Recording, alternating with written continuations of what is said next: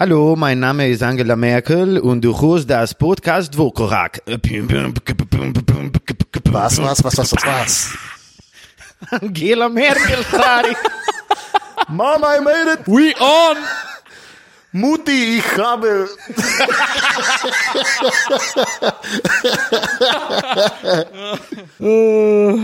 ja, no, glav. Angela, pozdrav nazaj, Angela. Ja, Angela. Hvala za tale pozdrav. eh, Veseli nas, da nas eh, tudi v Nemčiji poslušate. Eh, Podcast Dvokorak je nazaj, danes eh, je posebna epizoda, eh, epizoda številka 23. Tudi zato smo se odločili, da gremo, seveda, eh, da se malo izprsimo. Ne? Vse je Angela Merkel eh, ena izmed najpomembnejših žena eh, na svetu. In Naj bo ta uh, epizoda prijazna tudi nežnejšemu spolu. Ne? Zato bomo uh, danes uh, se dotaknili nekaterih tem, ki bodo zanimive zagotovo za vse, za takšne in drugačne, kaj ne da fanta. Ja, očitno tudi za naj, ker imamo blage. Ja, danes eh, je tale podcast tudi presenečenje, kar se teme tiče vsebine za Matijo in Tilna, ampak takoj, ko boste zvedla, boste definitivno prezadovoljna, da se bomo tega lotili. Ampak recimo, da to pride šele po naših hate kotičkih. Najprej pa Tilen, kako si? Ja, fantastično, Luka. Fantastično. Zdaj se pa že res nekaj cajta nismo videli takole za mikrofoni, a ne na Ja, res Koroški je. ulici. Bliz, ja, ne, 14 dni. Ne, en mesec, ne? Ja, ja groz ja, pa basket. res, pa res. Se smo na zalogo posneli. Ja, pa groz basket, ne. No, ampak nismo Aj. pa snemali v varnem zavetju Koroške ulice s termostatom naštimanim tam na 22 Ja, stopinj. props. Dame in gospodje, Luka Štocin je noro lepo poskrbel za toploto v stanovanju. Pravzaprav šokanten vstop v Res. stanovanje. Malo jame, ne?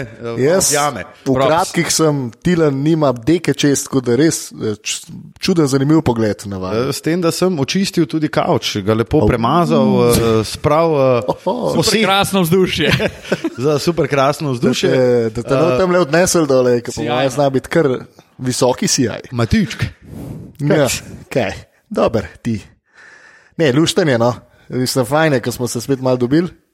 Sicer turobno, uh, turoben november je krenil, ampak kljub temu, jaz moram reči, da sem v zelo uh, visokih, v high spirits, no. ne, ne znam prevesti. Ne, ne, super, super. Uh, november je. November. je. November je. Ne da se delati. Tako. Um, eno stvar, ki jo moramo povedati, oziroma dve stvari, ki jo moramo povedati, preden se vržemo v hit kotiček. Hvala vsem, da ste prišli uh, v Grosa. Um, imeli smo se fantastično, spili smo par pivičk. Uh, pogovarjali smo se, upam, da ste se tudi vi imeli krasno in uh, seveda spet hvala Gross Basketu, da nas uh, prenaša uh, tako in drugače. Um, moramo se zahvaliti tudi za tiste, ki mogoče niste videli na Twitterju, našim zgornjim sosedom. Namreč O ja, o ja. v epizodi Dvando Dvači smo imeli eh, hate kotiček, ki je bil bolj tako uh, življensko uh, podkovan in jaz sem pač rekel, da mi grejo uh, zgornji sosedi res na. Vsi vemo kam. No, in uh, mogoče, če še niste videli, obiščite eh, lahko tudi uh, moj Twitter profil in boste videli, uh, kaj, Um, kaj so mi napisali, namreč nekega dne, ko sem prišel d, domov, nič hudega sluteč, me je pred vrati čakal uh, Sixpack in na Sixpacku sporočilo od sosedov, ki vam gredo res na A. Potrudili se bomo, da vam ne bomo več uh, krajšali noči in da ne bomo premikali pohištva. Sicer mislim pa, da, uh, kot smo z Matijo Kosmačem ugotovili, pa ostajajo v študentski bowling ligi, ampak tokrat. Uh, Tokrat, mislim, v mojih očeh je to šlo iz nule na sto, kar se ljubezni do njih tiče. Moram pa še en disclaimer, če dati, sem jih pol povabil, klele pred blok, smo se usedli. Ja, pa ga zdarali, kva pa bomo. Vada, ne. Uh, ti, še nekaj moramo, preden, uh, preden uh, se lotimo hate kotička in sicer prebrati uh, komentarje, ki ste nam jih pustili na Apple Podcasts, žal vseh, ki jih dobimo na Instagramu in Twitterju, pisa smo zvezde. Ne moremo prebrati, tako da samo tiste, ki so na Apple Podcasts. Zdaj sicer tudi ne vem, kje smo točno končali, ampak George je bil prvi, ki nam je dal um, komentar, pet zvezdic, hvala, Džore. Uh, dvokorak naslov komentarja, fajn debate, realne ocene in mnenja o basketu, pa nad se sekira, če kdaj kakšno izjavo začinite sočno kletvico, to more biti, da bolj poudariš bistvo. Moramo reči, da po epizodi Duando Dvači, ki je bila mimo grede ena najbolje poslušanih epizod v zgodovini podcasta Dvokorak, ki se razteza že čez 365 dni, uh, smo res malo velik klel, obenem smo pa poleg pohval dobili tudi uh, nekatere komentarje, da moramo res malo oladiti, uh, kar se tega tiče. Vrhunsko je naslov naslednjega komentatorja oziroma komentarja, komentator pa je So what? Simons hit a tree. Torej, fanti, to je to, vsaka vam čast, moram se vam pa pridružiti pri hejtu Bena Simonsa, oziroma kako dramo so naredili mediji, ker je v pre-season vrgu trojko in zadev. Kakšno je vaše mnenje na to, harajte dalje. Hvala lepa, so what Simons hit a tree, mašine, Euroleague fan, 1, 2, 3, 4, 5. Definitivno podcast, ki ga najraje poslušam, samo probejte malo več Eurolige stisniti, no, drugače ste pa fantastični, na dopustu sem odbil vse epizode od enkrat, pa mi še kar ni bilo dost. Uh, Luka pa za uris situacije v sobi na Koroški, neznano zakaj, maha z roko o pomembi Eurolige. Ja, in neki zahteva od najmanj, ne vem.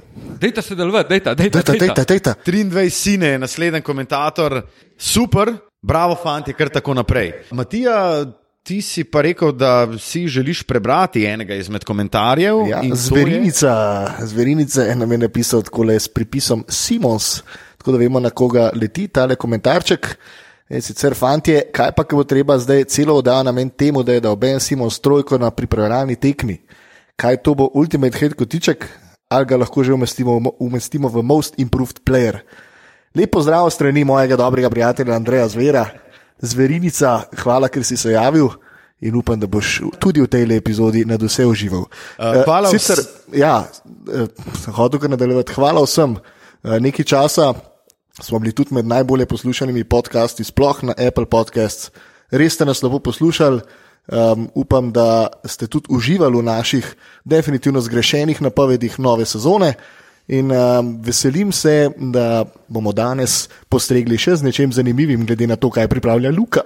Ja, ne, ne, ne. Eh, Škako je? Najprej se bomo vrgli v hate kotiček, fanta. Ja, ja. Ti, tilc, malo dol z telefona, prosim, ker snemamo podcast. Točen to, Tilen. Malo se brzdaj. Danes je televizija začuda ugasnjena, drugače bi naš eh, Tilko že gledal studio pred začetkom lige prvakov, namreč eh, Dej, dej, torkove- pržgino. Pa dej, dej, dej, dej, že Dej, pa dej, dej, dej, dej, dej, dej. Gestikulira z Dej, glavincem. Dej. Tole bo za karton. Rumen karton za Tilna. Ja, ne, ne morem. Zato, ker imam G-spot na filerju od kompa z daljincem in ga ne smem premakniti, drugače ne bomo te epizode In posneli. pol se ljudje čudijo, da je težko najti G-spot. V bistvu je na filerju od daljinca. What? Ne, daljinc imam na filerju od kompa, na filerju od kompa pa rabim dobiti G-spot, da se mi polne kompa, da lahko.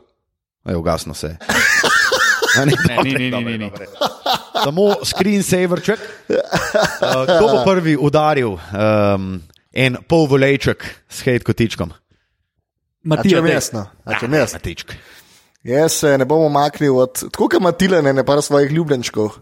Eh, Pri teh hate kotičkih imam tudi jaz enega in sicer se bom spet malce obrnil na prijatelja Jima Boylana, glavnega trenerja čikaških bikov, ki je eh, pred letošnjo sezono pa uvedel v mm, trening eh, dvorani čikaški uro, kjer se fantje štemplajo, ko pridejo na trening in odštemplajo, ko grejo s treninga. Kaj, a res? Ja, ja, Ne, ne, a zajebance. res? A, Ja, o, mislim, čl a, totalen šef. Oh, wow. v članku je še zapisano, ne, kakšne imajo, da imajo ful lepe, take bele, rdeče kartice, se lahko še plaja. Wow, res da best. Ja, in tako se pa vidi, kdo več dela in kdo manj. To je pa naredil na podlagi tega, ker res ceni trdo delo, ki ga je najbolj začel, začel ceniti, ko je delal v Chevroletevi tovarni med leti 18 in 21. Jim, presegel si samega sebe, čestitke. Čakaj, ti meni govoriš, da Zek Levin, ki zasluži 25 mil, Točno se tako. mora štempljati, preden pride v United Center. Ej, kaj pa, ko Ja, igrajo stari. v gosteh? Ja, ne, samo za treninge, to je v bistvu v trening dvorani. Ja, ne. v gosteh. Dobro, okay, no. Sej, že dosti je to, da se morajo v domači trening dvorani, da se morajo v domači trening dvor- dvorani štempljati, pa pis, da se nisi stari ne, v avtokomercu. Vsem uh, zaposlenim v avtokomercu No. se seveda upričujemo. Vse ne delaš v litostroju, iz litostroja nas pa zihar noben ne posluša. Najbrž zato, ker je šel v stečaj, ne litostroj že. Ja, najbrž je. A se kdo spomni, fan trivia, da je za ekipo litostroja, oziroma ekipo Ljubljansko, ki jo je sponzoriral litostroj, nekoč igral zelo, zelo mladi Radoslav Nesterovič. Ne, Uh, jaz se pa Wow. spomnim. Wow. In imel je takrat zaščitno masko, ker je imel zlomljen nos in se prav spomnim, da takrat je kar haru. Rašinjo, ej, eh, Jim Boylan pa izpisnica, prosim. točno tako. Katero okence, Matija? Kot že večkrat povedano, okence številka pet eh, na tobačni, lepo gumno. Lepo gumno, Jimmy. Oh, wow. Tilt. Ma, jaz bom kar po pravici povedal. Ne. Nisem imel hejta pripravljenega in mi ga je posodil, v bistvu ne posodil, ampak kar oddal Matija Kosmač. In to brezplačno. Ja, brezplačno tokrat. Res pa je, da se s tem hejtom popolnoma strinjam in ga podpišem. Namreč gre za navijače New York kratkohlačnikov. Fantje so si želeli na draftu uh, Denisa Smitha mlajšega in pol so kot osmega zbrali Franka Antilikino, kot deveti je šel Smith v Dallas. Zanimiv splet okoliščin je poskrbel, da se je Smith realno vrnil v Nikse, oziroma prišel v Nikse. In ko so oni dobili tistega, ki ga želijo imeti, medtem so oni v bistvu na nek način že zljubljeni Tilikino, ali pa mogoče niti ne. V Oni glavnem, so vmes že v bistvu pozabili, malo na Tilikino že malo ja, bupali. pa tudi na Smita, in pojem on prišel nazaj in je bilo vse super, in pol na drugi tekmi sezone so ga mojstri žvižgali in se drli v dvorani We want Frank. Zdaj pa mislim, Pa dober, star, ja ste vi odločili. to, je, to so pa z Mislim, oni bi naskokom se mogli najslabši navijači na svetu. ne, res. to je pa moje naslednje vprašanje. Oni bi se mogli sem odločiti, kdo ali bodo zdaj navijali za ta New York ali ne. Se vem, da je težko. Ni enostavno navijati za Nikse. Uh. Zelo težko. Ampak dve tekmi v sezoni je mojster odigral, pa dejno. Um, jaz bom na to imel samo en najprej komentar, potem pa, potem pa še eno vprašanje za vaju. In sicer bom šel takole. Reggie Bullock, Taž Gibson, potem pa Bobby Portis, Julius Randall. To so okrepitve New Yorka in se čudijo, pezda, zakaj jim ne grejo. Zato, no, dobro, sej v bistvu imajo letos še, vsaj v zadnjih letih, eno bolj simpatičnih ekip, pa eno izmed ekip, ki saj na papirju recimo bolj deluje, kot so v zadnjih letih. Zgleda NBA ekipa, ne zgleda G-League ekipa, kar je že kar Tako. napredek. Zdaj mi pa video povejte, kateri so najslabši navijači v ligi NBA. Imamo tri ekipe, oziroma navijače treh ekip. New York Knicks, kako smo že povedali, Los Angeles Lakers in Golden State Warriors. Jaz bi rekel niks. Jaz bi tudi rekel niks. Ker te ostali dvoji mi niti niso tako ful kritični. Oh. Mislim, uh, navijači LA Lakersov se mi zdijo kot en zelo bogat otrok, razvajen v tri goveje. No, vse to tudi so. Ja, jaz sem, a ste mogoče videla pred, pred leti, je bil en gif nekih navijačev Los Angeles Lakersov. Uh, Kaj ga bomo dali v zapiske, glede na to, da jih že dolgo nismo imeli. Uhu. Ampak to je za me, mislim, ta gif najbolj opiše, kaj si jaz mislim o navijačih Lakersov. Meni so navijači Lakersov slabši kot navijači Nixov. Um, Predvsem zato, ker se mi navijači Nixov malo smilijo, sicer jim ful prvoščam, uh, malo škodoželjno, ampak um, ful so mi taki smešni, so. ful so srcem pri stvari, najbolj nestrpni navijači v ligi so, ampak oni so pa sam neki, tako kot si ti rekel, razvajeni, Primadone. pizdunčki, pardon, ampak res jih ne morem.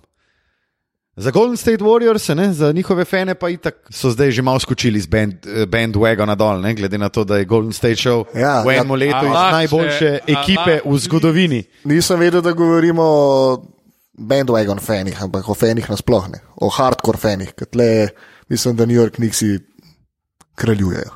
Jaz pa mislim, da prej Lakersi. Ja? Okay. Kar se bandwagon uh, tiče. Ne. A ja, bandwagon je pa druga. Mislim, pesem, tak ja. skupek iščemo. Ne. Bandwagon Ja, ajde recimo. Mislim, kaj so sploh bandwagon navijači? Pa se to, je, Ja, pa to so ljudje, ki Lebronu, Lakerse in Ja, no, sej to, ampak to, a veš, to, to ne moreš ti jih identificirati z eno ekipo. To so pač ljudje, ki ne navijajo za nobenega, v resnici za nobeno ekipo, ampak ekipo vežejo na enega igralca. Ok, to se pravi, so Golden State vezali izključno, ne vem, recimo na Kevina Duranta, ki je ta Ne. prišel. Ne, go, mislim, Mislim, Golden State je en tak lep primer, glej, Golden fanov. ne. State- Kar naenkrat so vsi poznali Golden State, a noben pa ni, recimo, pogledal si ene tekme, takrat, ko je Baron Davis kucal čez Andreja Kirilenka v playoffu, pa ko so oni, recimo, Dallas so izločili, ker je bil Dallas prvi sit. Ja. pa so bili oni osmi. Osmi. To je res, ampak oni so ljudje, so se zaljubili v Golden State zaradi njihovega načina igre. Kevin Durant, ko je prišel v Golden State, kar je bilo bandwagonerstva, je že bilo pri njih. Zaradi njega oni niso fanbase povečali za noro dost, ker je njihov hype bil že na vrhuncu takrat. Ja. Oni so bili bolj simpatična ekipa, verjamem, da večini folka, preden je Durant prišel tam. Se strinjam. Pa da se ne zapletamo zdaj spet v to zgodbo prihoda Durenta. Je pa tudi res, da če primerjamo to z letošnjo sezono, moramo vedeti, oni so se preselili v drugo dvorano in to je, ta dvorana je tudi ni več tam v, v Bay Area Ni v Oaklandu, ampak Ni v v San Oaklandu, ampak Franciscu. je Ne, prav, v San San Franciscu. Downtownu, ja.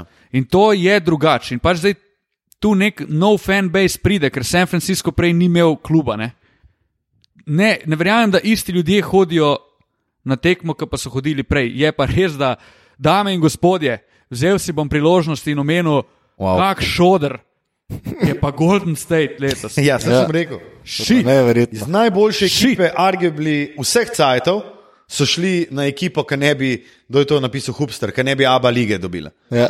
Izpadla bi iz Bi Abeli. spadla v drugo abeligo. Stari, to je pa noro, res. Jaz tam priznam, jaz ne poznam skoraj nobenega igralca, ki trenutno igra, razen Omari Spellman.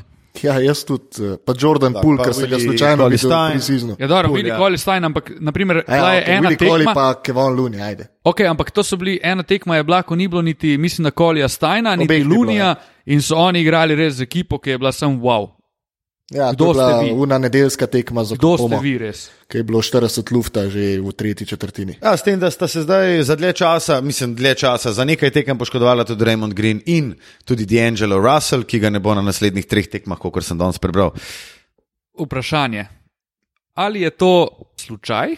Jaz mislim, da ne. Ja, ali je jaz mislim, da ne. fantoma malo gladko padlo dol? Ne, jaz Ne, mislim, ne, da ne. Že zdaj je pač tako.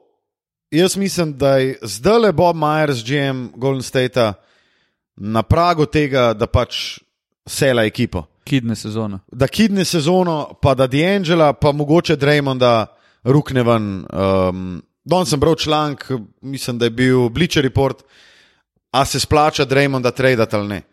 In kaj lahko seveda dobiš za Draymonda. Ne? No, jaz bi rekel, da se njega ne splača traditi. Jaz bi tudi rekel, da ne, predvsem zato, ker te temelji ekipe Golden State, s Curryjem in Klejem in Greenom pač delujejo. Oni rabijo dobre, dobre igralce, pa najbrž po letu oziroma naslednjo sezono Igi pride nazaj. Pa v končni fazi Green je duša te ekipe, kakorkoli mi obračamo. ja, E, itak. To veliko trojko, ki je v bistvu začela ran Golden State, bi mogel obdržati, medtem ko D'Angelo, ker se mene tiče, ga lahko jutri trade. Včeraj, ne jutri. Ja, mislim, res, sem, res mi ne paše v to ekipo. No. Ma dobro. Pasu ne bo, ker pride Klej Thompson nazaj, to je jasno. Ne? Mislim, pa so bo to, dokler bo igral s temi ruki, pa drugo ligaši. Okay, moj hate kotiček, tako je. Ne? Vsi vemo, da je doping uh, prisoten v športu. Žal. Vemo za Marka Pantanja, ki je morda z posledicami dopinga celo preminil. Vemo za Lensa Armstronga.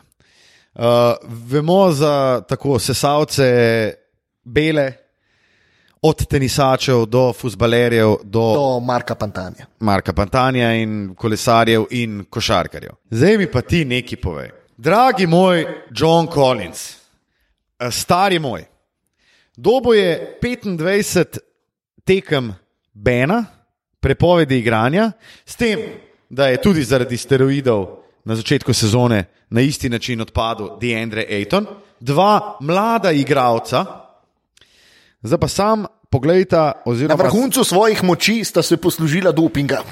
Prvo kot prvo to, drugo kot drugo pa samo poslušajte zaradi česa je John Collins suspendiran. Fanta moja, John Collins je imel rastni hormon, ki je sproščal peptid 2 pri 206 cm, ki jih meri v višino. Sej vem, da imajo tudi druge dobre, oziroma v tem primeru uh, slabe posledice, ampak stari moj, 22 let si star, služiš milje, ti greš pa rastni hormon, zato da dobiš peptid 2 ven. A se ti hecaš? No, tako le. Ne. Da bom pa jaz ta, ta tvoj hejk tiče, ko obrnem na nekaj, kar jaz mislim, da je mogoče celo dobro za ligo. Um, Kris Pol je nekaj časa nazaj zelo glasno podpiral to, da rastni hormon ne spada med prepovedane substance in še vedno v neki določeni meri ne spada med prepovedane substance. NBA ima enega najslabših protidopinških programov na svetu, uh, ampak jasno, to vse v želji po čim večji gledanosti in čim boljšem marketinškem položaju. Um, in rastni hormon je ena stvar, ki sem jaz prepričan, da je Lebron James v svojem lifeu požrl nerealno. Stari pogled, kako njemu sred sezone zmanjka las vsak let. Poglej njegovo čeljust, koliko je široka zdaj, pa koliko je bila široka, ker je on prišel v ligo.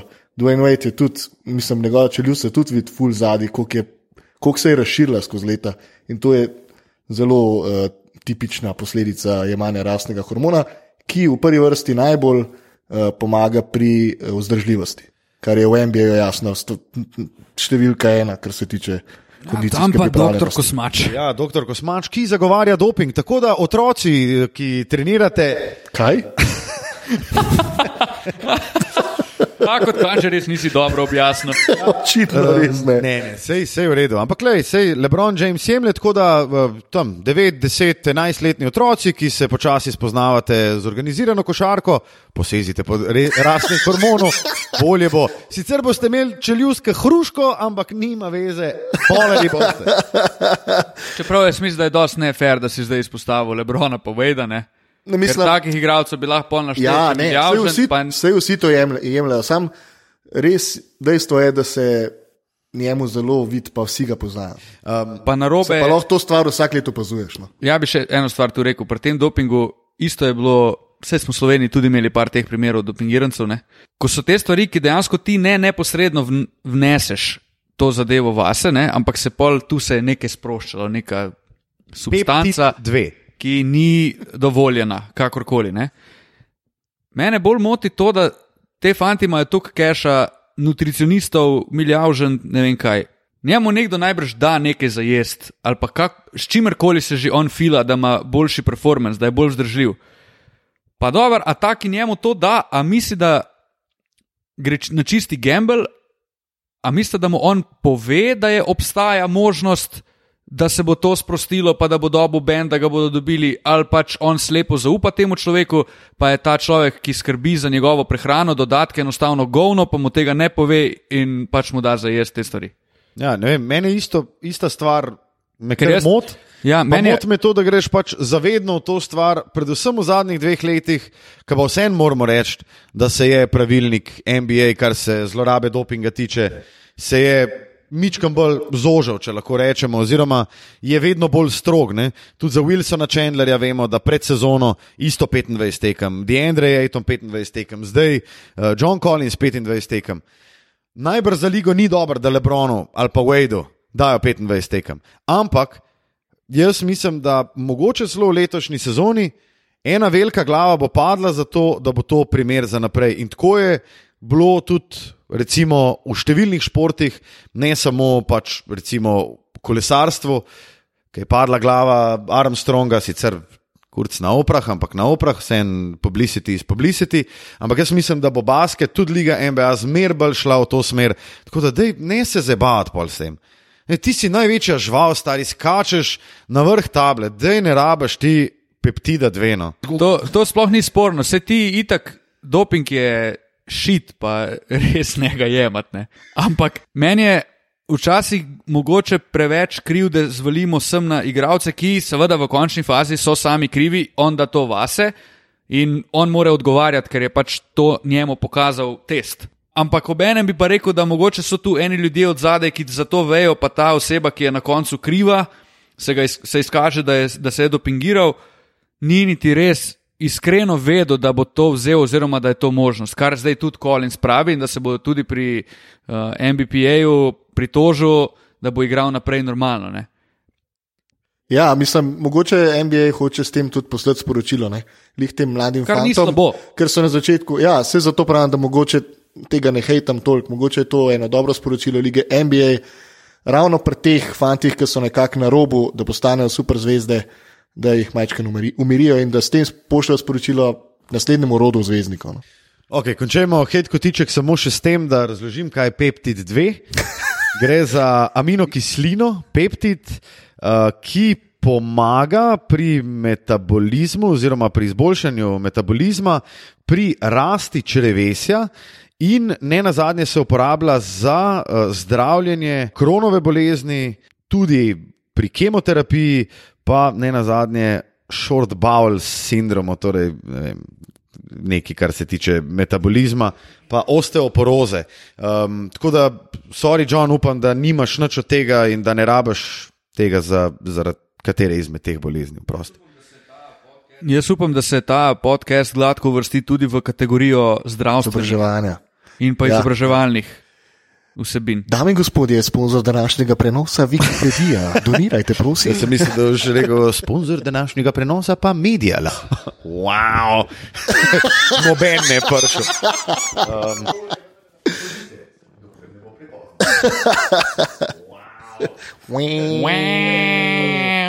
In po pol ure je vendar napočil čas, da se lotimo košarke.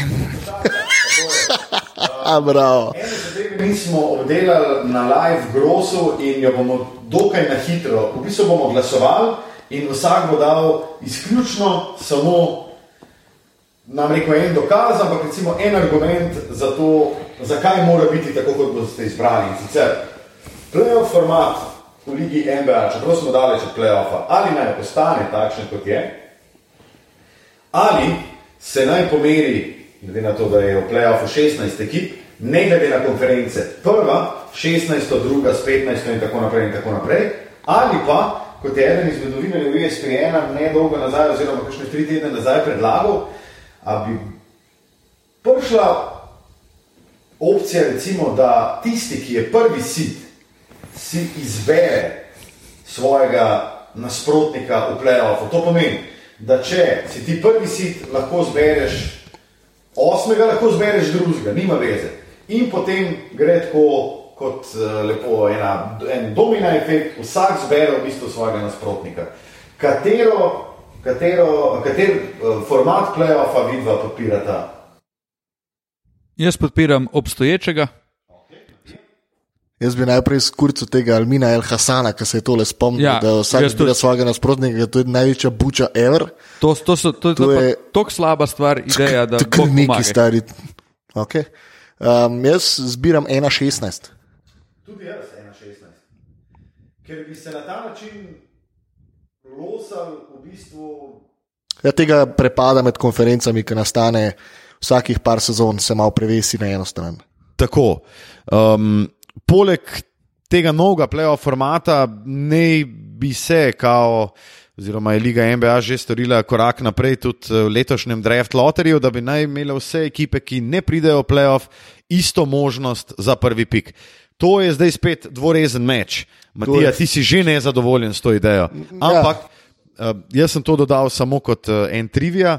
Tilen, zakaj ti ne, oziroma da je argument, zakaj bi ostal pri obstoječem formatu? Ma bom dal argument, zakaj ne bi šel v to, kar ste vidva rekla. Zaradi tega, ker zgubiš krasne zgodbe, katere primer je Toronto. Res je, nastane prepad med konferencami, enkrat je močnejši vzhod, drugič je močnejši zahod, ampak pač tak je. In ti boš vedno imel eno dobro ekipo, mogoče na vzhodu, ki lahko konkurira, na zahodu boš imel pa jih pet, ki se bodo poklale med sabo na drugi strani. Ampak po drugi strani pa ti dobiš, če imaš ti res to konkurenčen zahod, ti že v prvi rundi playoffa gledaš eno res dobro serijo. Obstaja možnost, da bi ti v primeru 1-16 gledal šest res šodr serij v prvi, v prvi rundi playoffa. Po drugi strani najverjetneje Toronto ne bi prišel do finala, ampak s tem 1-16 se kratko malo favorizira ekipe, ki so res najboljše in verjamem, da bi bilo več final, ki jih mi napovedujemo pred sezono. Ne? Toronto najverjetneje ne bi prišel, ker bi mogel na poti do finala premagati, ne vem, tri res vrhunske nasprotnike. Se je mogel zmagati Milwaukee, ok, ampak Milwaukee bi najbrž ruknil še marsikdo iz zahoda. Okay, moj argument je ta. Jaz zagovarjam to, da imaš ti 16 najboljših ekip v ligi. To pomeni, recimo, če gledamo lanski playoff, ti nimaš šodra, kot je Orlando noter. Ti nimaš vem, možnosti, da ti pride Detroit noter. Tep pride recimo iz zahodne konference, če bi gledali letos, ti pride sedem vrhunskih ekip, kot smo rekli že na, na začetku. To pomeni, da ti, pride še, da ti pridejo še tri res sorry, dobre Luka, ekipe. Luka, iz... sorry, sorry. A misliš, da bi res Sacramento bil pa kdo govori o Sacramento? večji odpor? Ja, lani bi oni prišli noter. Ja, in jaz mislim, da bi oni, če bi bil format 1-16, ja? predstavljali večji odpor, kot je recimo predstavljal Orlando.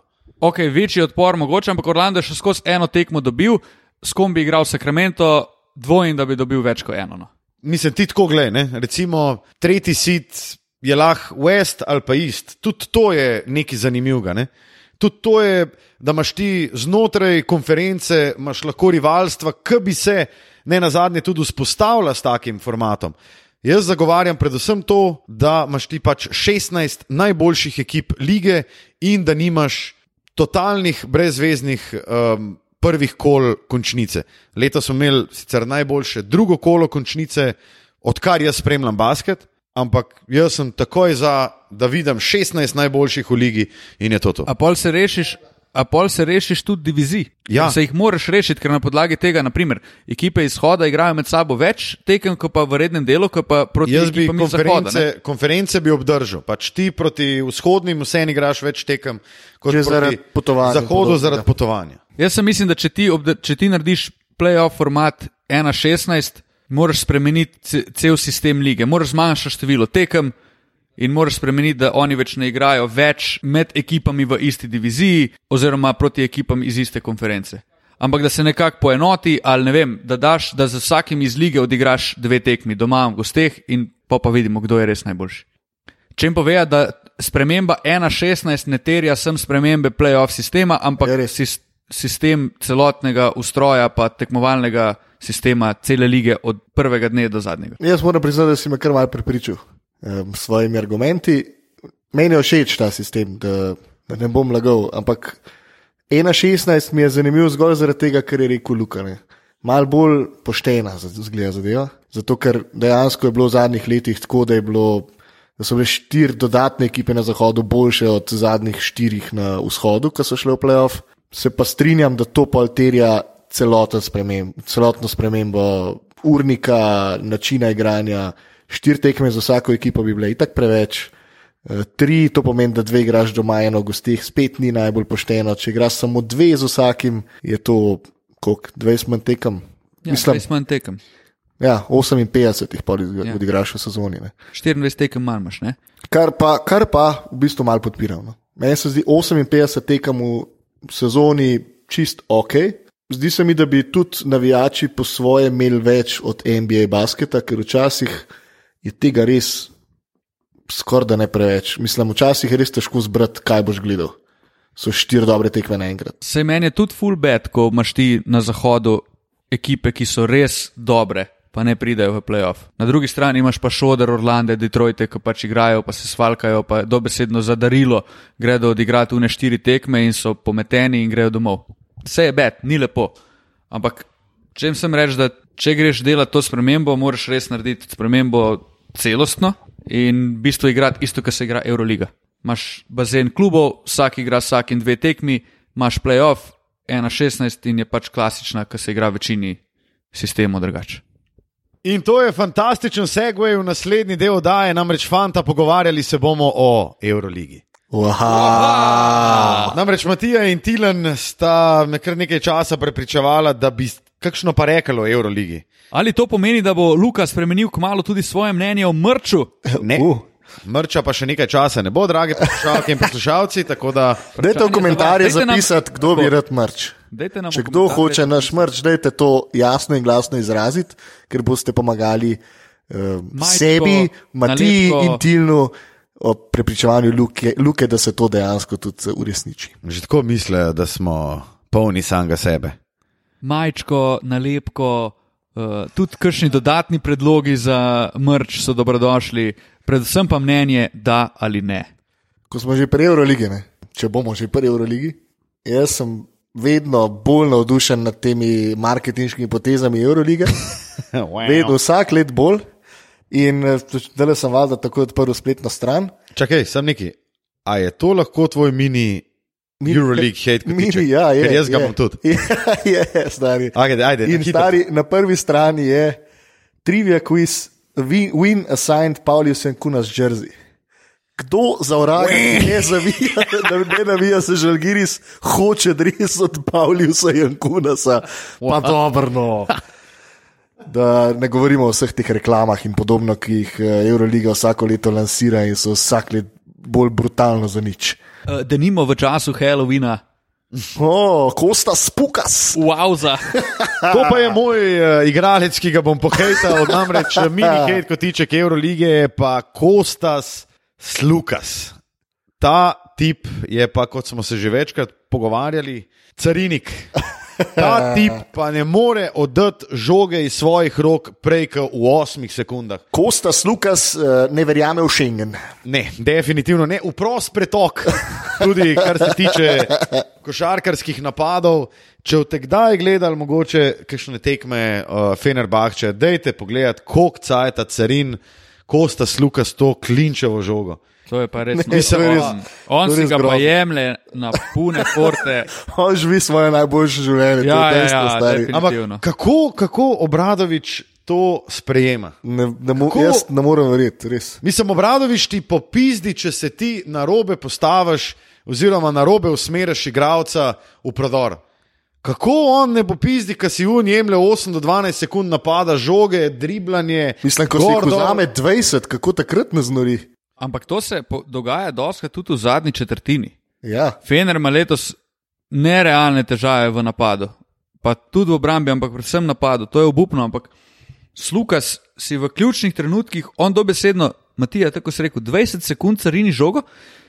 Jaz sem delal stari. tekmo proti Žalgirisu, dame in gospodje, Fenerbahče je vodil celo tekmo, na koncu delni izid 8-0, pa so izgubili. 10-0, 10-0. ok, ampak ja, 10-0, izgubili so za 3 na koncu, pač potop, pa vse so imeli pod kontrolo. Slukas je v ključnem napadu držal žogo 20 sekund in na koncu je vrgel veselju, najbolj Ja. ja. neprijateljska podaja na svetu. on je na mogel petih metrih. na petih metrih zaključevati, ampak ni mu jo podal na, na neko polaganje. Pa, on mu je sem. Spustil. Ni vedel, kaj je z njo, mu je spustil in zdaj ti naredi nekaj. V štirih sekundah Jun je vrgel fade away, falil, žalgiri skok, konc tekme, adijo.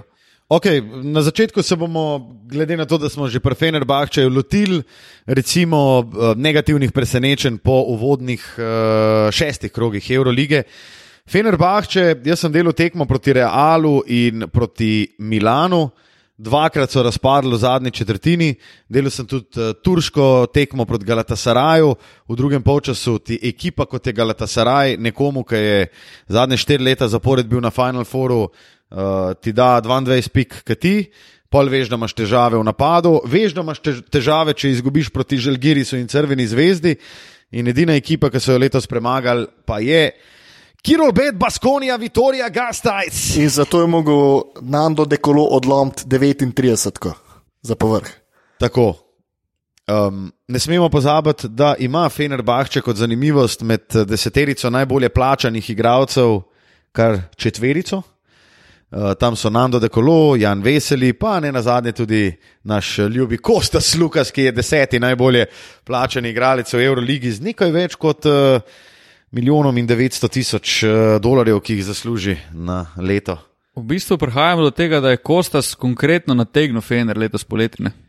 Ja. On ga je pa, to, to pa vsaka čast, on je pa tako vrhunsko nategnil fener na suho, niti rože ni prinesel, niti večerje ni skuhal, sam na rinu jih je. To je Vrhunsko, stari. Kam gre, gre na kavo, ma ne, da se kar pri tebi dobiva.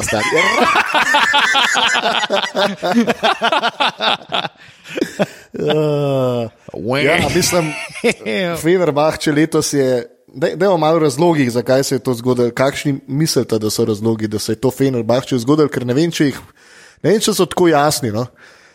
Jaz imam enega zelo jasnega, pa Tilen ima tudi enega zelo jasnega. Razlog, jaz mislim, da glavni, oziroma eden izmed dveh glavnih, je sam zasičenost. No, to je tudi moj.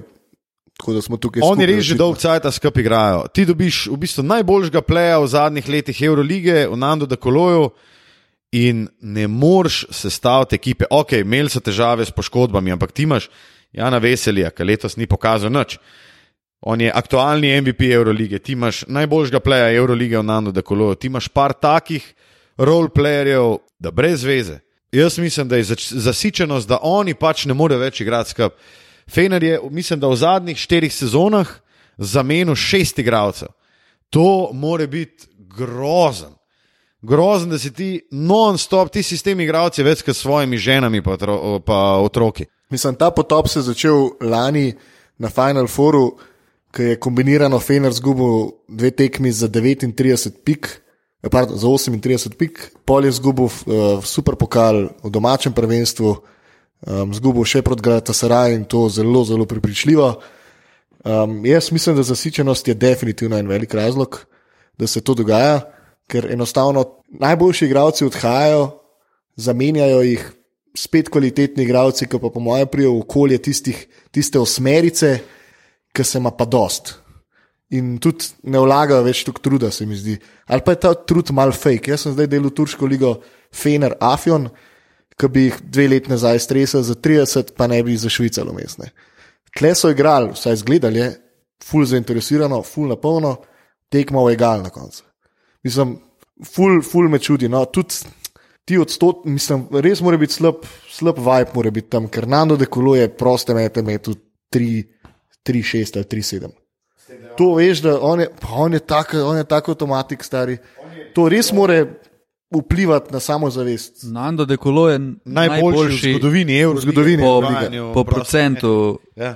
93, pa še nekaj. Ja. Tilen, um, prej si mogoče malo pogledal tako čuden, ker sem rekel, da imaš že pripravljen razlog. Um, gremo naprej. Recimo še ena ekipa, ki razočara, se, se boš vrnil, uh, Madridski Real, ne, ki ima isti, po tvojem, glavni problem, kot ga ima Fenerbahče. In to je, Tilen.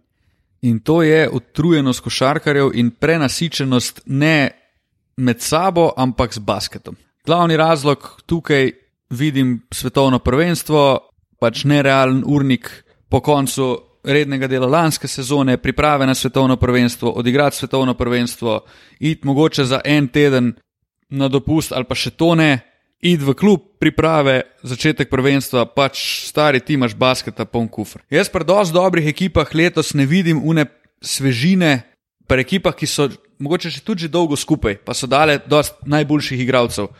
Ni une svežine, niti v glavi, ni navdiha, ni, niso noge prave in enostavno to, po moje, njih kar konkretno uvira, ker pazi te.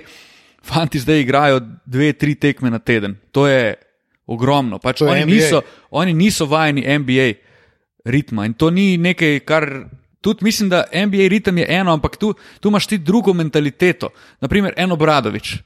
To je trener, ki dela na tem, da bo s treningom med sezono prišel do nečesa. V NBA-ju se ne trenira. V NBA-ju ti igraš tekme, ti imaš shoot around, prva peterka do povdanskega treninga, ne rabi narediti pre back to back, sploh. Ti imaš pa tukaj ljudi, ki se v teh, tem novem sistemu igre ali pa urejenosti evropskega basketa, najdeš z ekipo, ki je navajena dosto trenirati, dobro trenirati, v okolju, kjer nimaš časa za trening, ker dobesedno ti sem potuješ. Ti greš iz enega kraja na drugi kraj, domače prvenstvo, nazaj Euroliga, nimaš kdaj popraviti dejansko, razen na dobesedno sami tekmi proti naslednjemu nasprotniku. S tem, da fora je, da mislim, da sem lani prebral ta podatek, da ima samo pet ekip v Euroligi, ima uh, private jete, ene sedem jih ima čarterske lete. Pomaž pa crveno zvezdo, recimo, ki ti v Žalgirisu oziroma v Kaunasu stane 12 ur, pa imajo čez ne vem. 36 ur Abu Leigo in pridejo v Beograd, ne vem, 8 ur pred tekmo, grejo spat za 4, se zbudijo in grejo v dvorano. Pa, pazi, in to je njihova domača tekma. Točno to je. Ja. In pa pride en, nočem nič slabega proti, ne vem, Mornarju, ki je zdaj, na primer, stresel Olimpijo v zadnji četrtini. Ja, pa ne. stres tudi bolj trajta, če veš, kaj mislim.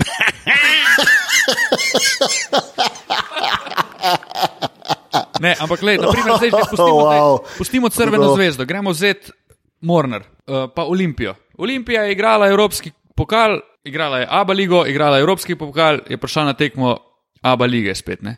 Se pravi, oni so se stopili dobesedno v zadnji četrtini, predtem so imeli tekmo dobljeno. Oni so se en teden pripravljali na to, na to tekmo in pa so šli odigrati. Se pravi, vse misli, uh, doma so imeli tekmo, niso rabili potovati. Oni so naredili šest treningov, po moje, s pripravo, videom, zgolj in samo na Olimpijo. Isto se dogaja lahko Crveni zvezdi. Zaradi tega imaš ti pol tudi, ne vem, Fener, relativno težave v domačem prvenstvu z enim, ne vem, Afionom ali pa z nekimi še mogoče malo boljšimi ekipami, ne vem, eno Pinar kar šijako.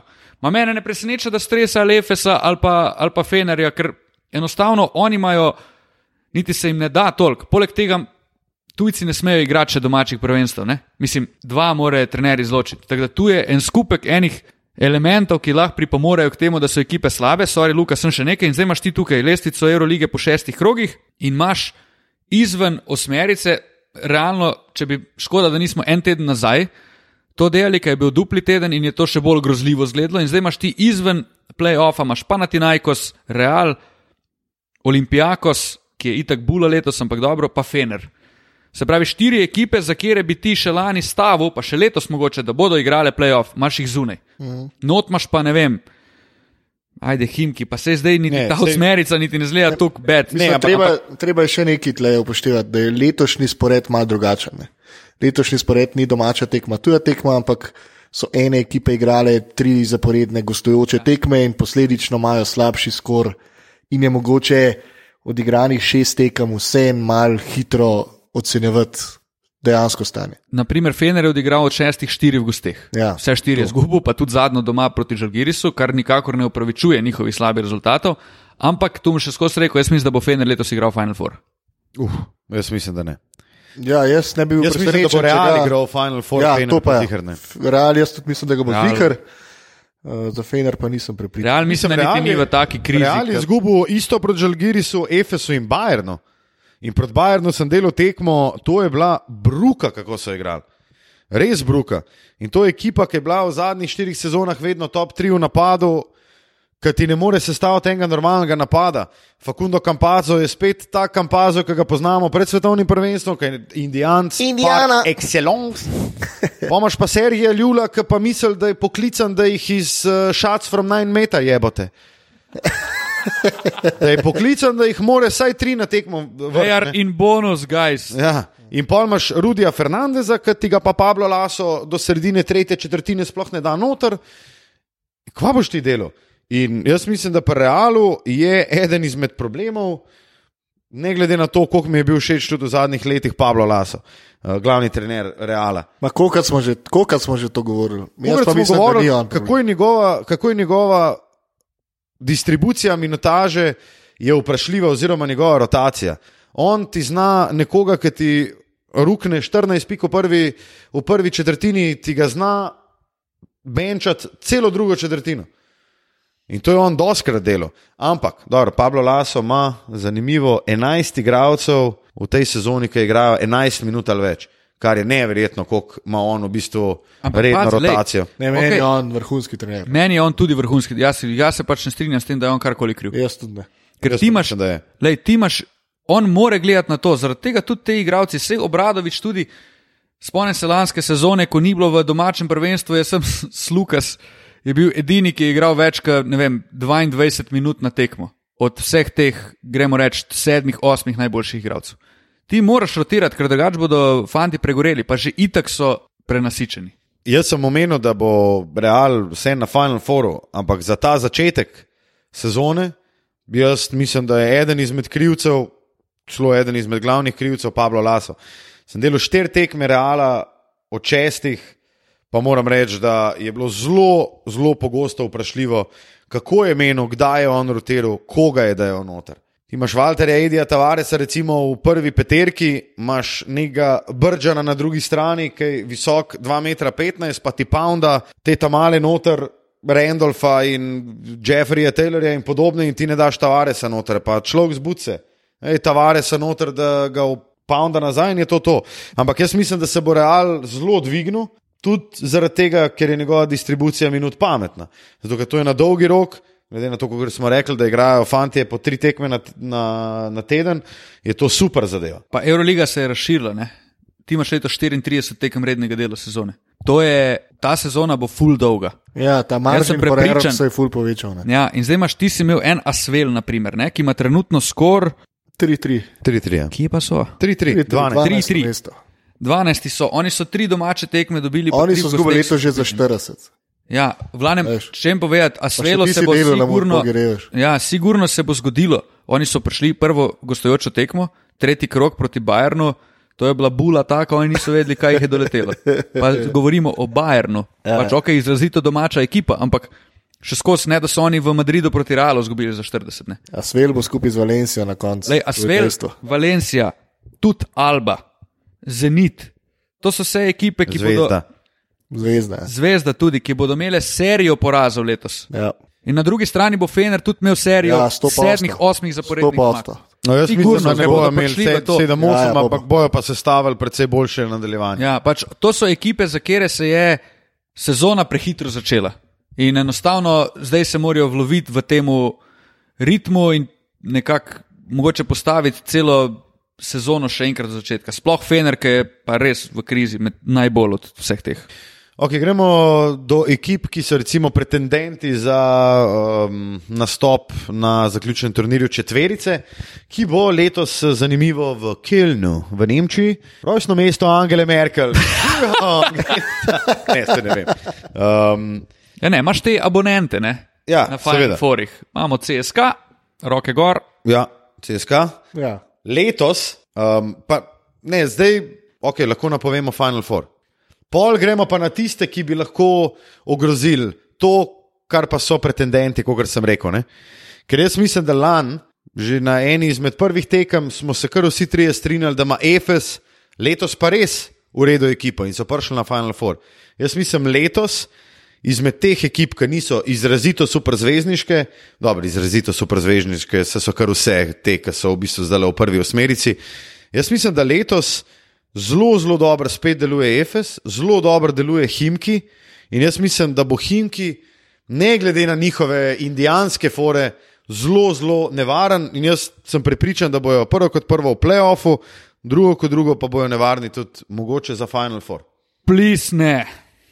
Ja, Meni bliz je- ne. Mislim, lej, ja, če imam na koga v Euroligi hejt, imam hejt na Himki, stari, kako so mi pa oni antipatični. Pa ta Šveda Šved, imaš ej. hejt, na priznaj. Ja, Meni so oni zelo zanimiva ekipa. Na trenutke, mislim, da dve sezoni zdaj so mi bili zelo všeč, ampak Šved je un, ki polubija, ker mora dobiti unih svojih 25, ne glede na to, koliko šuto je za to potrebno. Matija Kosmače v enem izmed svojih prenosov na prve tekme letos, Himki Baskonja, sem si te pogledal Aha. v zavetju domače dnevne sobe Wow. in si dejal, tudi s kritiko. Mislim, da so drugače nadaljevali. In sem se nežno dotikal, ko sem poslušal tvoj glas. Torej, in si dejal zelo pametno, po mojem mnenju, da Aleksej Šved lahko ekipo vzame za talca. Kar je. Absolutno res. No, Okay, ampak to je ekipa, ki se je, vsaj po mojem mnenju, poleg Barcelone, daleč, daleč najbolje ukrepila. Milano, Ja, Milano ne, tudi. Ampak ja, ne, Milano je, Milano je kar spredino. pred Barso in Hinkijem. ne, pred Ne, Barso, ne, pred Barso je tu z naskokom prva. Barso in. Čakaj, Himki, Janis Tima, Dairis Bertans, Devin Booker, Janis Tima je Jovič, že tam Jeremy lani igral. Evans, Timofej Mozgov, uh, Jonas Jerepko. Jonas je repko eno večjih razočaranj letošnje sezone do tega trenutka. Janis Tima je tam igral že lani. Kje je bil Janis Tima? Lani je drugo polovico sezone na posoji ja, igral za okay. Ampak zdaj so pač podpisali pogodbo z njim. Tam je igral. To nima veze. ni- Okay, Zdaj, Janis lahko se strinjamo, stari. ne, Ja, lahko se strinjamo. Izpostavil si ga, kot da je neka ukrepitev huda. Ja, Ja, ja. ja. Ja, ja. Ok, pardon. Dairis Bertans, Devin Booker, Stefan Jovič, Jeremy, Ed, uh, Jeremy Evans, Timofej Mozgov, Jonas Jerepko. Mislim, ok, v redu. No, zdaj pa preveri, kva, se, kva je Milano pripeljal, pa bomo povedali. Luis Gola, Jaz, jaz Sergio ne dajem Rodriguez. pod vprašaj, da Milano ni pripeljal, ampak jaz pravim, da Barca pa Himki sta, saj po mojem mnenju, ekipi, ki sta največ prepeljali napram lanske sezone. Milano je imel že zadnje tri leta zvezdniško, dokaj zvezdniško moštvo, ampak se pač niso mogli poklopiti. Oni so rabili enega Etoreja Messino, da jih je pač skrb zbrcal. Pa rabili enega Luisa Skolo, ki je podaljšana roka trenerja na parketu. Jaz bi to debato povzel s tem, da je Barcelona na absolutnem prvem mestu, kar se tiče ukrepitev, ker tukaj pa res mislim, da se nijamo kaj dosti za To pogovarjati. pa ni debate. To je pa noro, kar so naredili. Posta pa Milano, pa Himki, ki sta naredila ta. Niti ni mogoče tukaj pomembno, če me vprašaš, kdo je prišel v Himki pa v Milano, ampak kaj sta ti dve ekipi uspeli narediti z vidika kompletnosti, pa neke kvazi, dajmo reči, glede na začetek sezone, homogenosti, da lahko konkurirajo, pa iskreno napadajo Final Four. V primeru Milana, iskreno po dolgem času tudi playoff. Pa da ne bomo se zdaj pol že decembra ali pa januara pogovarjali, ok, eh, Milano je ciljal na playoff, ampak itek slab, pa ne bo ni šans, da pride. Ne? Kar je bilo v zadnjih sezonah. No, sej Ne, to, to se povedati, lahko ne. tudi letos zgodi, jaz pa ne presenečen, če se letos zgodi. Sej, Ma, tudi če se mojem ne. zgodi, Mislim, po Ne bom mojem tudi ne, presenečen, ampak no. ne bom pa presenečen, če se ne. ja, Ekipe Milana lahko kar hitro razpadejo. Zelo, zelo hitro. Sam, et, lih ta Ettore Messina faktor je pa klemen. Ja, Vse to, ne? Pač oni so sestavili ekipo, v katero dejansko objektivno, po, če na papirju gledaš objektivno, lahko verjameš, da imajo tudi dosti pametnega trenerja, da bo ta Milano vibe, moda, bla bla bla, probal nekako umiriti, narediti igralce normalne, v končni bazi že imaš tu fotra. Uh, Skolo, imaš Rodrigeza, ki je že toliko v lifeu dal čez, da Bog pomagaj, če te zdaj en Milano prevzame toliko, da pozabiš na basket, pa mogoče eno res uspešno sezono, ki jo lahko imaš. Tako kot si rekel, ne, to so figure, ki so sicer že zelo dobro ekipo Milana nekako organizirale. Ker smo poslušali o tem, kako se je v Milanu treniralo, pa igralo, da je, to mal, da je bila to mal eh, obštudijska dejavnost, bolj kot ne. Um, jaz bi tle opozoril še na eno ekipo, ki ne da se je ful dobro krepila, pa tudi do določene mere, no, ampak predvsem ima kompas, pa ima končno eno no, pravo filozofijo, kako se lotiti Euro, Eurolige. Makabi je obdržal igralce, ki jih je bilo vredno obdržati. Tle sta se dva zelo pritoževala, enega se zdaj ne bom spomnil. Vem, da Deandre Kane se je bunil, zakaj ga niso podpisali, čež da je on pa ne vem kaj. A mogoče cilja še na Obrajenta. Možno, da John. je bil on. John je bil kar, eh, kar težava. Možno. No. V glavnem, na parih je bilo, ki so mislili, da so ful boljši, kot dejansko so. In Makabi je pripeljal ene par zanimivih igralcev, niti ne bi rekel hudo uveljavljenih, ampak igralcev, ki pašejo v filozofijo, ki jo ima Janis Fajropolos in to je najprej delaš na obrambni strani igrišča, potem ti pa on v napadu pusti tudi dost odprte roke. Poleg tega, da so eh, stvar nekako zapeljali okoli Skotja Wilbekina, ki je njihov najboljši igralec, in da so se potrudili, da njega zadržijo. Ja, in jaz mislim, da imajo končno eno, en kompas. No. Ne govorim, da bojo zdaj ne vem kaj dosegali, ampak všeč mi je. Makabi je bil meni, to, to je moja ena najljubših ekip, Parker, Maseo Baston. Ja, ja. Fuck. Uh, ne, ali Maccabi- kaj? oj. mi je bil najbolj je bil najlepši, oni so igrali najlepši basket, najbolj atraktiven basket v Evropi. Včasih res, ja. In mi je fully všeč, da so nazaj na pravi poti. Uh, Walters, Hunter, Bryant, AC, Cohen, Caspi, Dorsi so ukrepili Makabi pred začetkom sezone. To Ja, je, da kar- Kaspija, ki je res dokazan, predvsem No, pa nedokazanih igralcev, ki so pa zelo solidni. Ja. Ja, Queen Sace je nedokazan na evropskem nivoju, Na evropskem ampak ja, parketu. zelo, zelo koristen igralec, ker ima tudi mentaliteto pravo. ne. Imeli so pa recimo pred podpisom pogodbe tudi Marija, Stavdomarja, Bradleya, Wanamakerja, pa Kostasa, Papa Nikolava. No, naprimer, Bradley Wanamaker zagotovo ustrezen za to filozofijo, medtem ko Mari Stademar pa nisem prepričan, če, Ja, če ima to smisel, oziroma spet prideš v to lovljenje, dajmo nakopičiti vse talent, ki ga lahko nakopičimo, pa bomo pa že nekaj naredili. In to ni recept za zmagati. A vemo, Ni. kje je Brad Wanamaker? Ne, ja? Ne, Ne, ne, ne, ne. ne, ne. Jaz sploh ne bi bil presenečen, če bi on prišel v Fener sred sezone. To bi bilo fantastično. Ja, ker to je to, kar rabi. To je bilo fantastično. Rabijo en, enega stabilnega člana. Pa nekoga, ki je peterke. že bil tam, ki ve sistem, Točno ki se tako, ne ja. bo rabo nič sajta, da se vklopi. Evo, Luka Tipka. Se, oni so se z njim dejansko že pogovarjali pred sezono, ampak do tega dela ni prišlo. A ni Bradley Wanamaker celo še skozi v Bostonu? Še vedno je Boston, ne? A res Ja, ja. On je še skozi v Bostonu. Mislim, se on lahko, lahko da ga wavejo. ne. To ne bi bilo nobeno presenečenje. Sploh da je to, da ima Boston in ga mulca, ki Ja, šajba Carson trice. Edwards. Ne, Ja, oziroma je tudi Bradley Wanamaker odšel v G-League v Main Red Claw. ja, ja, no, se pravi, No, Bradley Wanamaker- verjetno. Mora nazaj v Euroligo.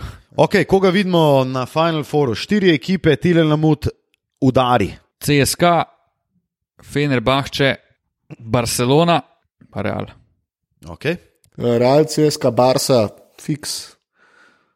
Pa, pa, hm, pa imam pa tle enega Turka še, pa recimo, da glede na to, da se mi zdi, da so jo prej sestavili, no, bojo imeli tle prednost iz košarkarji iz Efesa, čeprav jaz v njih ne verjamem, ful hudo, ampak recimo, da bojo zadnji se stisnili. A misliš, rečko košarkarja na doloja?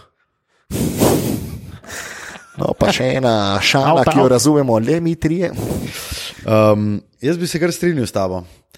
CSK, Barca, Real, Efes. Bi pa, bi pa rad mogoče videl na mest Reala celo Milano noter. Jaz nimam nič proti Milanu, not, ne pa na mest Reala. Jaz mislim, da Real. Jaz bi dosti revil, da CSK izpade, ampak CSK je, Ne, CSKA, je že kupil ja. karto za Keln predlani. Kar se Reala tiče, tle mislim, da je pa jih Pablo Laso en tistih ljudi, zaradi katerega jih jaz hočem na Final Fouru. In to zaradi Final Foura, na katerem je Luka osvojil uh, naslov, ki je bil takrat Real v uni sezoni za moje pojme en korak za ostalimi tremi udeleženci Final Foura, pa je na koncu zmagal. In kako so se fanti, kako so odigrali, kako so se pripravili na tekme, kakšen je bil pristop, tle jaz mislim, da to je, to je Ol Pablo Laso. Drage dame in gospodje, mislim, da smo. imamo ene kratke še v NBA, ali tudi to? Dajmo še malo o NBA. Ne, to je Stari nismo se nič pogovarjali. No. A? To je to.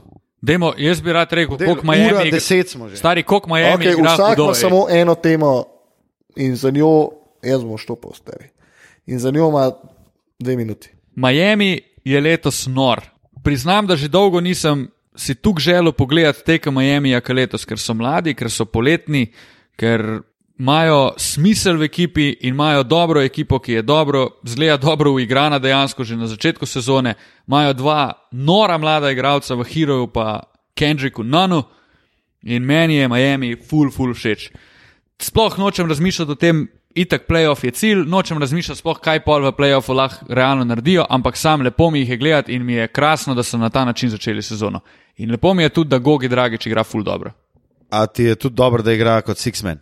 Tudi to mi je super. Meni je to vrhunsko. Meni je to super. Meni in tudi mislim, da njemu je to super. zato ker Justice Winslow nima kaj delati na playu. No. Ne, sam meni pa zato všeč, ker ima polon svojo drugo enoto in je tam gladko prvi igralec in za, tudi njemu je lepši igralec. Meni je dragič največji šef, zato ker je pač brez kakršnega koli pomisleka rekel, ja, ok, jaz bom Sixman. No, saj. Ni panike. Ampak gledam pa nekompetenco Justicea Winslowa, no, samo to mi gre res na živce, ker ne vem, ne vem kaj spolstra vidi v njemu, razen to, da je pač kao oversized play. Ne vem, kaj on da več, kot bi Dragič dal prvi ekipi. Ampak Miami igra dobro. Super igra, a bo to tako ostalo, ko se Jimmy Butler pride na obrate? Ja, bomo videli. Ne vem. Ne, tebe sprašujem, mnenje tvoje. Ja, jaz mislim, da ne bo Jimmy Butler uničil igre Justicea Winslowa. evo. Mislim, da ne. Ma, o Miamiju govorimo, ne o Justiceu Winslowu. Jaz mislim, da bo Jimmy Butler še dodana ne, prednost Miamiju. Okay. Mislim, ne bo Zaradi tega, ker pokvaril tega njegova- dobrega začetka, ne bo pokvaril te kemije. moje ne bo, zaradi tega, ker njegova kultura in pa način igre ful sovpada s tem, kar Miami tam hit culture je. In to, po mojem, je za njega super okolje, v katerem se bo tudi dobro znašel. In jaz bom rekel, hit culture je zadeva, ki je zelo premalo cenjena. Dan danes, dve minuti sta mimo, to pomeni, da je naslednji Luka, ki pa se bo polotil le česa. Ja, mene so pa pelikani razočarali. O, ja, ti si jih imel kar visok. Ne? In to zelo. Ampak sem pa toliko bolj vesel za Atlanto, ko je sicer zdaj John Collins spet poslal daleč, daleč nazaj, oziroma pač 25 tekem je četrtina sezone in to je pač vse težko. V bistvu nimam pojma. Mene tale začetek. Sezone NBA navdušuje uh, in navdaja z optimizmom, predvsem zato, ker tudi Dallas zelo lepo igra. Donka igra kot zelo velik šef. Wow. Uh, En večjih šefov med vsemi šefi. To je bilo sicer povsem pričakovano, ampak glede na to, kako je Dallas vstopil v sezono, glede na to, da smo jih mi dajali na 12. mesto, to je, bila, eh, to je bilo mesto, ki smo dali Dallas, mislim, da bo celo glede na slabo formo, oziroma slab začetek Sakramenta, slab začetek New Orleansa, imel Dallas dejansko neke šanse za playoff. Gledal sem eno tekmo Houstona, sem se nasmejal ob uh, indijanstvu Jamesa Hardna in Russella Westbrooka. To bo taka smešnica do konca sezone. Gledal sem tudi nekaj tekem LA Clippersov, ki zaenkrat igrajo v tretji predstavi, ki jo dalo šesto, bojo gazili vse. Gledal sem pa tudi ene par tekem Los Angeles Lakersov, ki se mi zdijo, da mogoče mičkam preveč sloni vse na Lebronu, pa AD-ju, ampak da se morajo pa če te uh, vsi. Um, Roleplayerji še unest noter, a sem kaj pozabil? Ne, razen to, da je uh, Bojan Bogdanovič velik šef in da je Jutah fantastična ekipa, da pa je Mike Conley vsaj na začetku letošnje sezone velik indijanc, ampak se bo unesel in bo. Pa ne Utah- indijanc, ne mislim, indijanc, da- sam slabo igra. Slabo igra. Ni no. indijanc. No.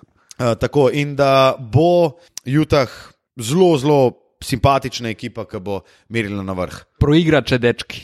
proigrače.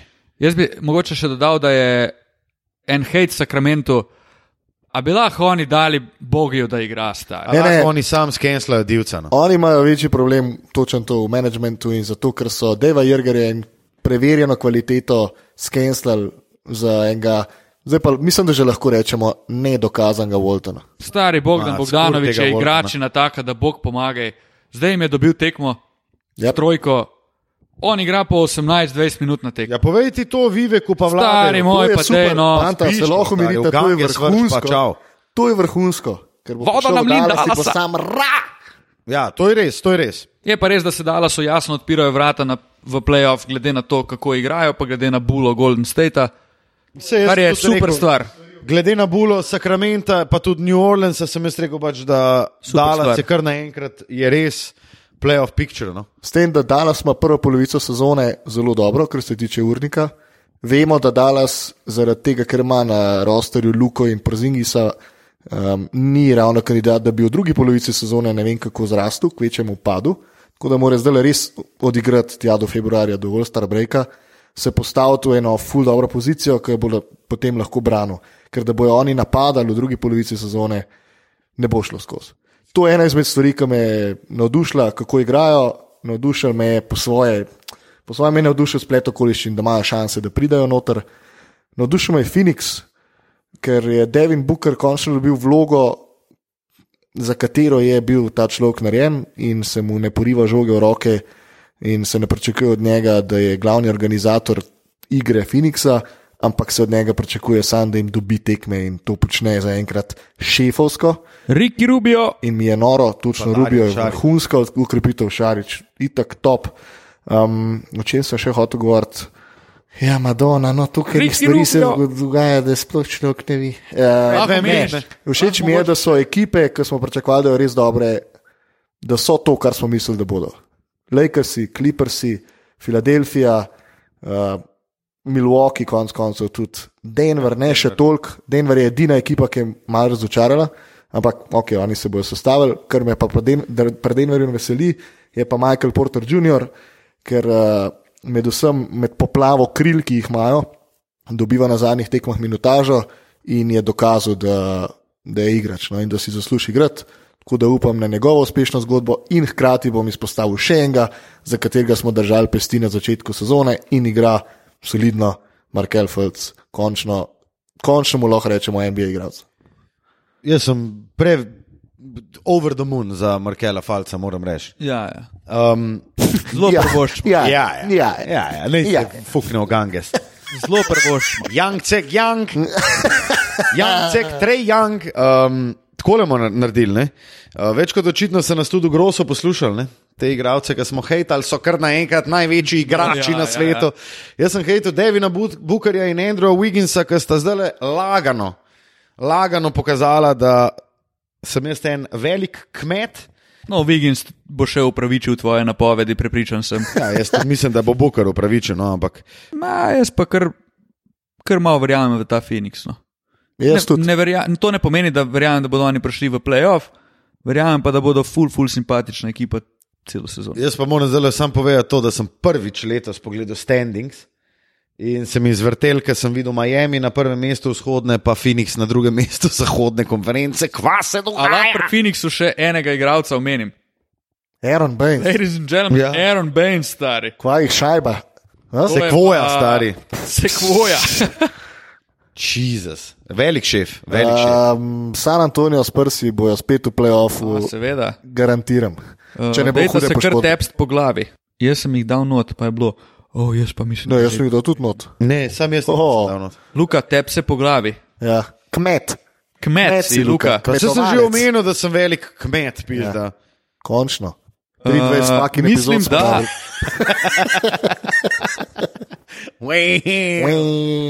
A, Naslednja stvar, ki smo jo pozabili omeniti, je, pa snemal zunaj na koroški, na klopci, pezde.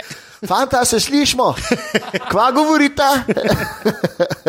uh, še ena stvar vredna omembe, žal, fight. Ja, Ja, ja. Karl Anthony Ma to ni Towns in vredno pa. Joel Embiid. To res ni vredno. A lahko samo en povzetek tega naredim.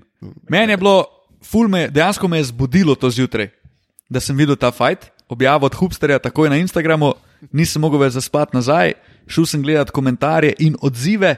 Všeč mi je bilo, da sta se malo sporekla in tudi ta hype, ki bo zdaj res zanimivo gledati tudi njune nadaljne medsebojne obračune, ker dejansko je Karlo Antonijo Townsu Joel Embiid v glavi. In Joel Embiid je pol na Twitterju napisal zgolj in samo resnico o Karlu Antoniju Townsu. Ampak je pa res, da to, kar sta ona dva naredila, ne sodi in kamer. Tudi tam si napisal resnico o tem, Tudi. Butno. Tud. In to, ona dva sta oba dva super zvezdnika, hočeta biti faca lige enkrat svoje ekipe.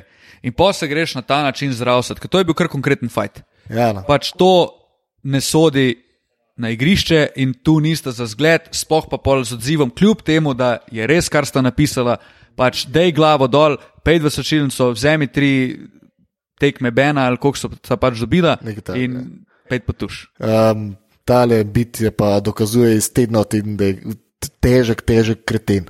Bebec je. Točen to. Ali je to vse, kar je napisano? Ja. Definitivno najdete nas na Instagramu, Twitterju in Facebooku. Matija Kosmač ima na Instagramu koliko? Ne, 1019 tisoč. Jurija pa kusor. Jurija pa kusur followerjev.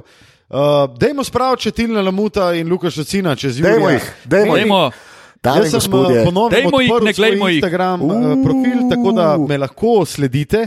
Uh, Pa potrebujem pa samo še slabih 600 do Jurija. Eh, Medtem ko Tilen Lamut potrebuje še 100, dobrih 100, ne? a si pogledal glih kaj? Uh, ne, nisem nič pogledal, spomnim se. 151. uh, dajmo lamuta, lamuta najprej spraviti. Close, pa- close, close. Pol pa vse moči v Luka, Lukatov influencerski status. Čim Tako prej. je. Čim prej. Um, pa vaju, seveda, na Twitterju tudi čez Jurija spraviti. Počasi. Uf. Jaz sem, jaz sem tako neaktiven na Twitterju, da v bistvu njih Jurija ljudi ne bi imeli nič od mene. Torej, uh, Luka Šecina in Tilna Lamuta najdete na Twitterju, Matijo Kosmača ne je bolj odziven na Instagramu in Facebooku. Uh, Luka Šecina ne dobite na Instagramu, je bolj odziven na Twitterju in Facebooku, Tilna Lamuta pa dobite na Twitterju in ne Instagramu, ker je bolj neodziven na Facebooku. Tako, In uh, dobite ga ta trenutek, ker verjetno zreva enega izmed socialnih omrežij. ja, definitivno. Tole je Instagram.